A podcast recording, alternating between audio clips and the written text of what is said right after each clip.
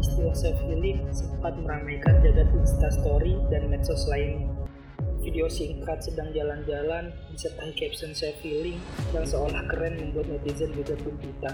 Fenomena ini merambat cepat, entah itu dibuat oleh mereka yang benar-benar sedang membutuhkan self healing atau mereka yang sebenarnya self healing tai kucing. Terlepas dari itu, apa sebenarnya makna dari self healing ini?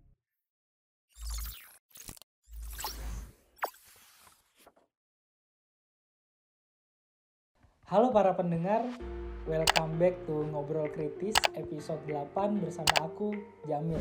Di episode kali ini, kita bakalan ngomongin tentang self-healing yang kadang jadi jargon netizen buat leha-leha sambil ngelanjutin procrastinationnya. Disclaimer ya, bahwa isi konten ini berdasarkan riset mini, analisa, dan pendapat kami. Kalau ada pihak yang tersinggung, anda butuh mungkin self healing tai kucing. Oke, yuk langsung kita kenalan dulu dengan istilah self healing. Menurut Crane and Word tahun 2016, self healing secara harfiah mengandung makna penyembuhan diri yang dimaksudkan sebagai suatu proses pengobatan yang dilakukan sendiri melalui proses keyakinannya sendiri dan juga didukung oleh lingkungan dan faktor eksternal penunjang. Self healing ini pada umumnya untuk mengobati luka akibat gangguan psikologis, trauma, dan luka masa lalu yang disebabkan oleh diri sendiri atau orang lain. Self healing ini juga sebenarnya dibutuhkan loh buat meredakan emosi negatif yang disebabkan oleh gagal membagi waktu antara urusan akademik, kebutuhan sosial, dan keperluan relaksasi. Kalau emosi negatif kayak gini nggak ditangani dengan bijak, bisa aja nanti malah memicu penyimpangan buruk.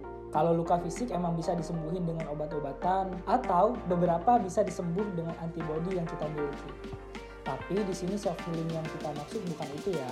Self healing itu juga bukan cuma jalan-jalan, vacation, nongki tanpa cara yang jelas. yeah, boy. Toxic terhadap diri sendiri seperti ekspektasi terlalu besar juga perlu di healing. What? Tujuan dari self healing ini adalah untuk memahami diri sendiri, menerima ketidaksempurnaan, dan membentuk pikiran positif dari apa yang telah terjadi.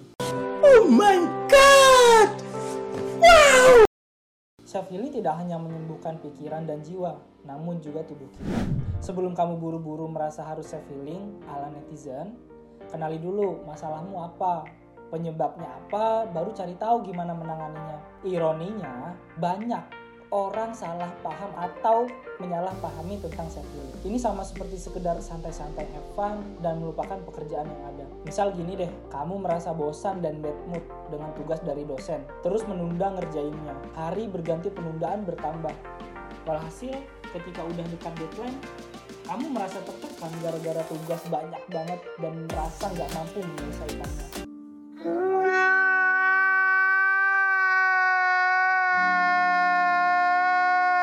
Alih-alih cari solusi yang tepat, kamu malah keluyuran gak jelas dan tak lupa buat story lagi.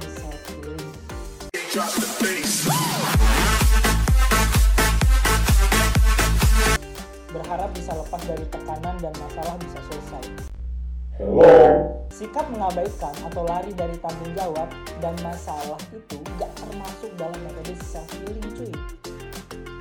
Self healing juga bukan proses instan kayak mie instan. Gak bisa seseorang auto self healing untuk mencapai kondisi sembuh dari segala luka kayak di game cuma dengan potion. Realitanya, untuk bisa self healing, mau nggak mau kita juga harus membuka luka lama, bukan untuk menikmati perih, tapi untuk mengenal luka dan solusi. Tanpa mengenali luka yang perlu di healing, percaya deh proses self healing bisa mandek jadi tujuannya nanti dengan self healing kita nggak jadi lupa dengan memori pahit dari luka psikologis. Tapi walaupun masih teringat, luka dari memori itu udah nggak ada. Jadinya ya sekedar ingatan aja gitu. Trauma atau luka psikologis itu sebenarnya nggak bisa cuma diabaikan. Kenapa? Karena dia akan tumbuh jadi makin perih dan belum lagi nanti kedatangan luka lainnya yang menambah daftar panjang penderitaan. Ingat juga cuy, kalau nyatanya nggak semua orang bisa self healing sendiri. Terkadang ada yang membutuhkan bantuan profesional untuk benar-benar healing. So, jangan paksakan diri Anda ketika udah mengenal dan mencoba self healing tapi malah makin parah. Stop it. Get some help. Kalau dikaitkan dengan stres, ternyata self healing untuk mengatasi stres akan ngasih manfaat seperti pertama, lebih cepat dalam mengatasi masalah. Kedua, tidak tergantung pada orang lain. Ketiga, jadi hanya diri sendiri yang mengetahui. Dan yang keempat, meningkatkan keterampilan dalam mengatasi masalah yang dihadapi. Yang terakhir, menjadi pribadi yang lebih kuat. Makanya, penerapan self healing ini nggak sembarangan dan nggak seenak jidat kayak bacotan netizen. Dilansir dari berbagai sumber, lebih kurangnya ini beberapa cara self healing. Pertama, tidur yang cukup. Kedua, olahraga yang rutin. Ketiga, meditasi. Dan yang keempat, makan makanan yang bergizi. Setelah cara-cara tadi, kamu juga perlu tahu beberapa tahapan dari self healing supaya bisa tuh pelan-pelan mengukur udah sampai mana. Ini dia tahapan self healing yang terinspirasi dari karya Imam Al-Ghazali. Pertama, mengenal diri. Pada tahapan ini, kita memahami tentang diri kita, asal kita, dan juga tujuan kita. Yang kedua, menerima diri. Dalam tahapan ini, kita memahami bahwa dalam hidup, gak semuanya dalam kendali kita. Kita menerima atas segala hal yang di luar kendali kita. Kita menerima juga bahwa ada masalah yang harus diselesaikan. Yang ketiga, mawas diri.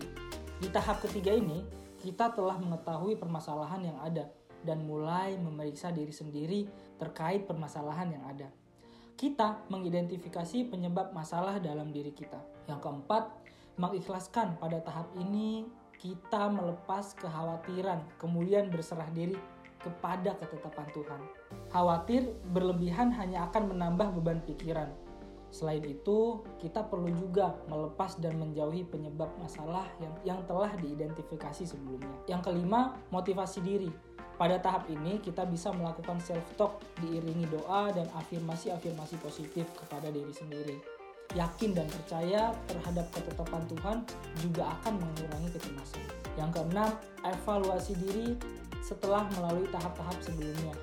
Kita perlu untuk meninjau kembali bagaimana kondisi diri kita, apakah ada keliru atau perlu diperbaiki. Kita juga melakukan evaluasi dengan menemukan solusi atas kondisi yang dialami. Yang ketujuh, bersyukur. Tahapan akhir ini bukan sepele, karena dengan bersyukur kita menambah kemampuan untuk bahagia. Dengan bersyukur, kita akan paham banyaknya nikmat dan anugerah yang udah kita terima sampai hari ini. Tanda kalau self healing kamu berhasil, nantinya kamu akan jadi pribadi yang lebih hebat dan kuat dalam menghadapi kesulitan dan masalah. Ingat loh, badai pasti berlalu. Masalah yang sama nggak akan abadi kalau usaha diselesaikan. Selama melaksanakan self healing bagi yang membutuhkan, hati-hati tai kucing. Nah, itu dia teman-teman obrolan kita tentang self healing ini. Terima kasih udah nonton sampai akhir. Kalau punya pertanyaan terkait topik ini, bisa komen di bawah. Atau bisa juga DM via Instagram di @ngobrolkritis. Jangan lupa like, share, dan subscribe kalau bermanfaat ya. Appreciate it guys. Mohon maaf ya kalau ada kesalahan dan kekurangan. Sampai jumpa di episode selanjutnya.